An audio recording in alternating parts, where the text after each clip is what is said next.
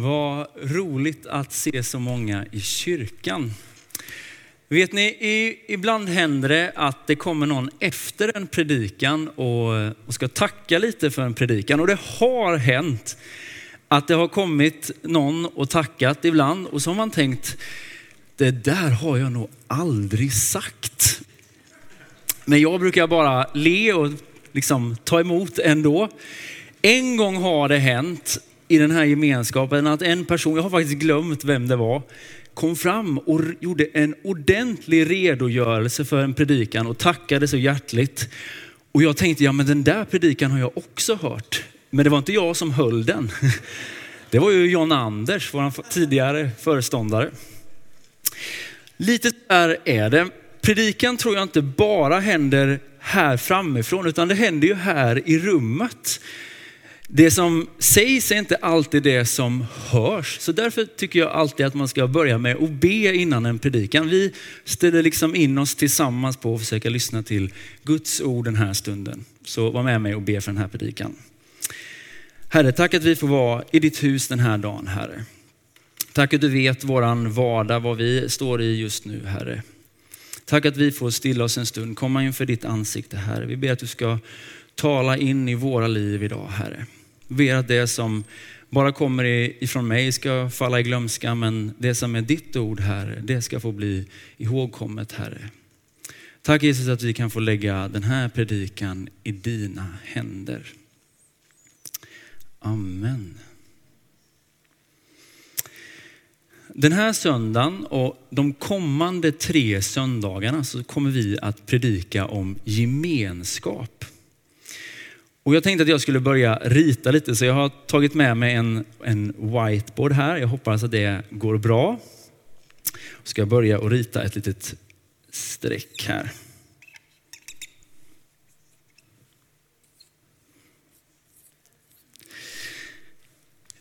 Vi är en gemenskap från noll till hundra år. En generationsförsamling. Detta tänker jag är både undret och utmaningen. Titta er omkring lite. Nu har ju barnen gått ner till barnkyrkan, men var någon annanstans i samhället sker detta som sker här inne just nu? Tre generationer möts över gränserna. Det här är ju ett under. Men det är också kanske en av våra största utmaningar. Vi har med oss lite olika sätt att fira gudstjänst, olika tycke och smak. Ja, men det är inte alltid helt enkelt att liksom kommunicera så brett eller få ihop det. Till den här utmaningen skulle man kunna rita en till pil. En lodrätt.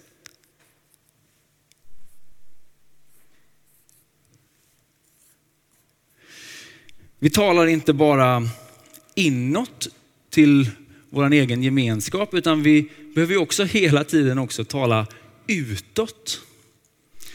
Och jag tänker att det ligger till ungefär så här att om vi koncentrerar oss alldeles för mycket inåt, ja men då kommer vi ha väldigt svårt att ena hela det här spannet.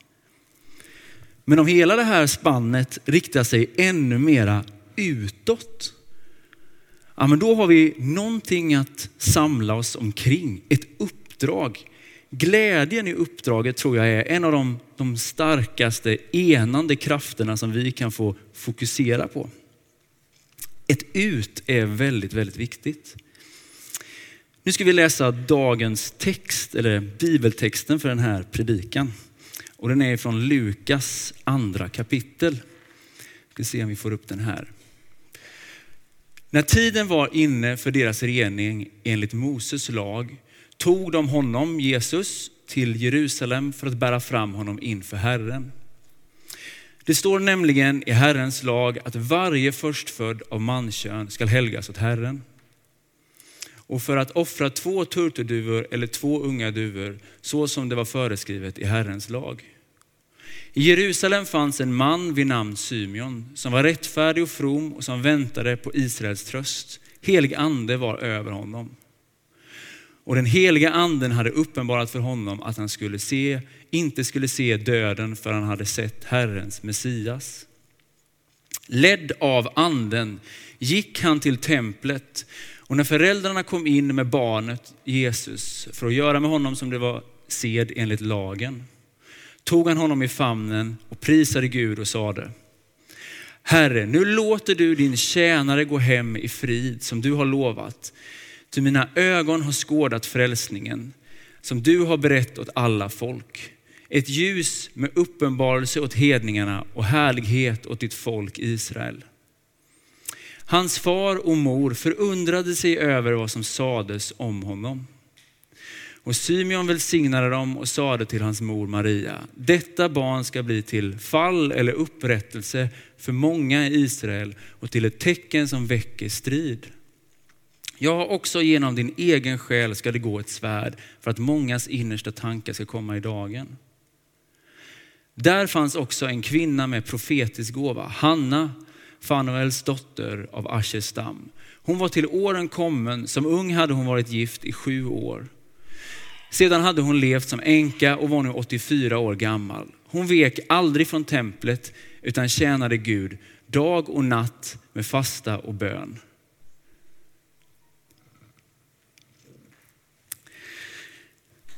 När den här lilla Jesusfamiljen kommer till templet, då är Jesusbarnet 40 dagar gammal, ungefär sex veckor. Enligt Mose lag så skulle man vid det här tillfället offra ett lamm. Men hade man inte råd med ett lamm, då skulle man offra två duvor, vilket Josef och Maria gör. Lukas tecknar bilden av att detta är en fattig familj som kommer till templet. Nu vet vi ju liksom facit om jungfrufödelsen, men man kan ju ändå tänka sig att det här är en familj som det snackades lite om. Vems var barnet? Var Josef pappa? I Matteus så kan vi ju läsa att, att Josef faktiskt tänkte skilja sig för att inte dra vanära över Maria, men han gjorde det inte. Jag tycker inte det är en orimlig tanke att det säkert tisslades och tasslades en del när Maria, Josef och Jesusbarnet kommer över tröskeln in i templet. Men när de gör det så är de två första de möter två andefyllda pensionärer som talar tro, hopp och kärlek rakt in i deras liv. Jag tycker det här är en av de vackraste bilderna av tre generationer som möts i Nya Testamentet. Och jag kopplar den ganska mycket till den här församlingen. För jag har mött ganska många Hanna och Symeon som har talat tro och hopp in i mitt liv. Och om jag liksom får blicka lite framåt så tror jag att vi som församling kan få bli ett varmt hem till många unga människor, till många unga familjer i Sollentuna. Nu ska du få tre stycken ord som jag kopplar till det här mötet som Maria och Josef är med om i templet. Det första är att Symeon och Hanna är varma. Tre ord som jag tänker att vi också kanske kan ta med oss in som, som ledord för vår gemenskap. Vi ska vara en varm gemenskap. Ja, hur blir man då en varm gemenskap? Jag tror att ganska mycket handlar om hur man ser människor. När Maria och Josef kommer in i templet så blir de sedda. De blir inte uttittade, de är inte udda, nej men de blir sedda. När jag arbetade som ungdomspastor, det är ju några år sedan, men jag var här i, i, tre år som ungdomspastor för ungefär fem år sedan, så var man ju här varje fredagkväll i ungefär tre år. Vi hade ju alltid en ledarsamling innan, det vet jag att Johan Vickan också alltid har. Jag kommer inte ihåg någonting från de här ledarsamlingarna. Jag kommer ihåg bara en enda grej som alltid kom tillbaka varenda ledarsamling. Och det var att vi ledare sa till varandra, ja, men ikväll ska vi se varenda ungdom. Jag tror det är så viktigt att vi öppnar våra ögon, vidgar fältet och ser människor. Det andra som jag tror är viktigt för att vi ska vara en varm gemenskap, det är ju att det finns plats i mitt liv. Att det finns rum för ny vänskap. Vilka öppnar vi egentligen vårt hem för? De här två sakerna tror jag är superviktiga för att skapa en, en varm gemenskap. Vi kan ha det mysigt och, och liksom sådär själva, men om vi ska rikta oss utåt, ja, men då behöver vi också uppfattas som varma. Ja, men då behöver vi se människor, då behöver det finnas plats i våra liv. Alla som någon gång har odlat vet att det behövs mycket värme. Och jag tänker att kyrkan kan få vara som ett växthus som ger en massa värme till de frön som Gud planterar i människors hjärtan. Det andra ordet jag tänker på, det är offentliga. Ja, det ses lite, syns lite halvbra där. Offentliga. Hanna och Symeon är offentliga. Ja, men det som sker är öppet och tydligt. De talar inte i gåtor utan det är ett budskap till alla människor. Symeon säger att ja, men jag har skådat frälsningen nu som Gud har berett åt alla folk. Hanna går och berättar för alla om Jesusbarnet. Jag tänker att det är precis lika viktigt att vi har någonting offentligt över oss. Vi har ju liksom under förra sommaren och den här sommaren firat gudstjänst utomhus. Eh, här uppe i, i, liksom, i slänten bakom kyrkan. Och förra söndagen så hade vi ju en gudstjänst ute i Edsbergsparken. Jag tänker att de här tillfällena gör någonting med oss. Det är lite skönt, det tycker jag också, att liksom komma innanför de här väggarna igen. Men den där offentligheten, medvetenheten hur det ska uppfattas, ja, men den behöver vi också ta med oss hit. Det ska vara lätt att ta med en vän eller en granne till våra gudstjänster eller till vår gemenskap. Jag var tvungen att liksom googla upp det här ordet offentliga. Vad, vad står det för egentligen? Det är ju inte kända personer som är en offentlig person, utan det är ju en person som har en samhällsbärande uppgift. Alltså en politiker eller en domare är en offentlig person. Jag tänker att våran gemenskap, våra gudstjänster ska kunna bära samhället. Vi är inte en grupp som bara är till för oss själva. Ja, men vi är till för det här samhället. Man ska vara trygg med att ta med någon hit. Vi måste vara offentliga. Nu ska ni få det sista ordet och det är det krångligaste.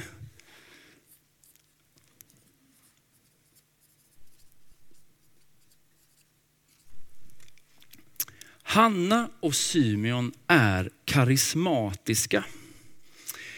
För en del är det här ett positivt laddat ord. Men för en del kan det här också vara ett negativt laddat ord. Alltså det är ett ord som man kopplar till händelser man har varit med om, kanske sår från det förflutna. Det kan vara ett ord man kopplar till elitism eller någonting som är väldigt udda. Men låt mig påminna dig om att det här ordet karismatiska kommer från grekiskans charis som betyder nåd. När vi talar om det i kyrkan så är det inte om någon slags personlig karisma utan det är ju nådegåvorna som Paulus räknar upp i första Korinthierbrevet 12. Jag kommer inte läsa dem idag, kanske en senare söndag. Men det här är ingenting som vi ska prestera fram eller nå upp till utan det är någonting som vi får ta emot. Alltså det här är viktigt för vi är inte bara verksamhet. Alltså vi är inte bara ett trevligt kyrkfika, vi är inte bara en förening. Nej, men vi är en grupp av människor som förväntar sig att Gud kan gripa in. Vi förväntar sig att Gud kan använda oss. Vi vill vara i funktion för oss och för andra människor. Och då är det här superviktigt. Men det karismatiska behöver fungera på ett sunt sätt. Och då tror jag att man kan faktiskt koppla ihop de här tre orden. Det karismatiska, de andliga nådegåvorna behöver vara varma. Om du nu går hem och läser om de andliga gåvorna i första Korintierbrevet 12 så ska du också läsa första Korintierbrevet 13. Kärlekens lov. Om de här liksom gåvorna inte förmedlas i kärlek eller värme, ja, men då skriver Paulus, då är vi som skrällande symboler. Det är inget värt. Det behöver vara varmt. Det behöver också vara offentligt. Så fungerar det i alla fall för Hanna och Symeon. Och, och Paulus är ju noga med detta i första Korintierbrevet också. Att det här inte ska bli något udda, någonting som stöter åt. Nej men det här är någonting som ger liv, kraft, som drar människor till församlingen, inte stöter bort. Jag tror det är jätteviktigt att vi får bli en varm gemenskap, en offentlig gemenskap och en karismatisk gemenskap. I den här texten som Ehm, vi läste idag så står det ju att Symeon var ledd av anden. Ledd av anden går han till templet. Jag tycker det, det, säger någonting om att det fungerar på ett ganska naturligt sätt. Vi ska ju inte liksom dela upp detta och tänka vi ska vara varma i foajén, offentliga på jobbet, sen karismatiska i slutet på en gudstjänst. Nej men det är inte så det funkar. Det här behöver ju vara en väv i våra liv som fungerar utan sömmar. Vi måste kunna vara karismatiska eller fungera i våra ande, i de andliga gåvorna på jobbet lika väl som i en gudstjänst, eller hur? Ledd av anden går Symeon till templet. Någonting i honom drar honom. Det är inget som kontrollerar honom eller tar makten över honom. Det drar i honom. Han känner maningen och så lyssnar han och går.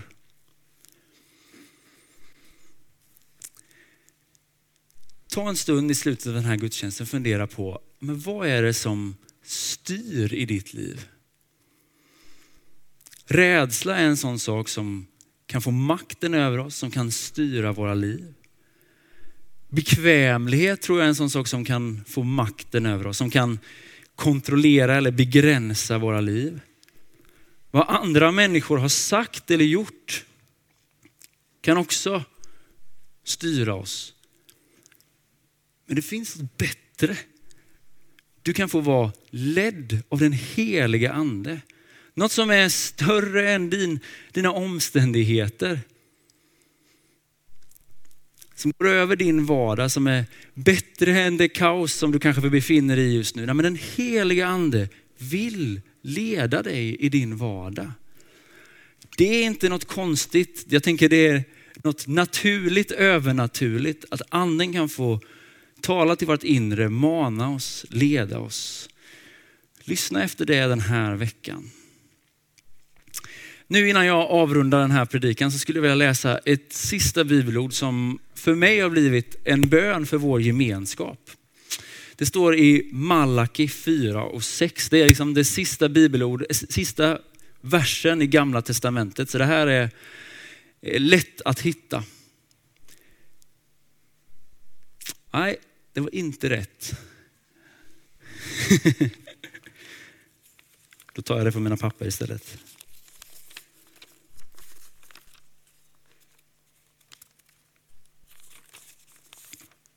Så här står det i Malaki 4 och 6. Han ska vända fädernas hjärtan till barnen och barnens hjärta till fäderna så att jag inte viger landet åt förintelsen då jag kommer. Guds tanke är att hålla samman generationerna. Och det här bibelordet vittnar ju om förödelsen som skulle kunna ske om det inte görs. Jag tror att enheten finns i glädjen i vårt uppdrag. Vi behöver fungera som en karismatisk gemenskap på ett sunt sätt. Vi behöver vara offentliga. Vi har ett budskap till alla människor och vi behöver kunna bära samhället i våra gudstjänster. Vi behöver vara varma, se människor och ha plats för människor i våra liv. De här tre orden kommer vi ta med oss när vi fortsätter att fundera över den kristna gemenskapen de kommande tre veckorna.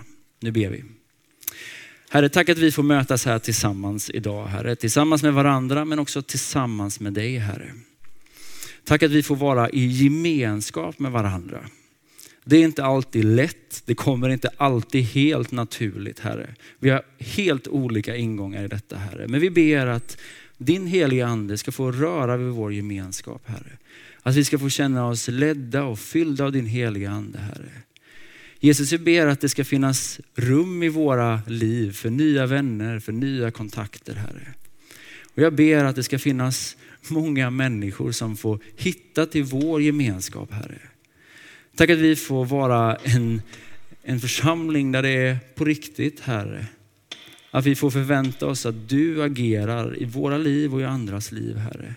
Tack att vi får vara lyhörda, ödmjuka, Herre, inför, inför detta, Herre. Men vi får också lyssna, Herre. Lyssna in din röst, Jesus. Tack att Herre för Sollentuna pingst och för den gemenskapen som finns här Jesus. Tack att vi inte är en klubb för inbördes beundran Herre, utan vi får vara en gemenskap som är till för flera. Herre, låt oss få vara i funktion för dig Herre. Fyll oss med kraft den här söndagen att gå ut i våra arbeten och på våra arbetsplatser Herre och sprida Kristus doft omkring oss Herre. Tack Jesus för det du har gjort på korset Herre. Att allting egentligen redan är gjort Herre. Vi får liksom koppla in och vara med Herre och tjäna i glädje Herre. Tack för uppdraget Herre och för den enhet det finns i att med glädje se på vårt uppdrag Herre. Tack för Sollentuna pingst, för det åldersspannet som vi har Herre. Välsigna vår framtid Herre. Led oss. Håll i de olika generationerna tillsammans Herre. Fyll oss med din ande Herre. Ge oss ett framtid och ett hopp Herre. Tack Jesus att vi får prisa ditt namn den här söndagen Herre. Vi får lyfta det Herre. Tack att du vill tala in i våra liv den här söndagen Herre. Amen.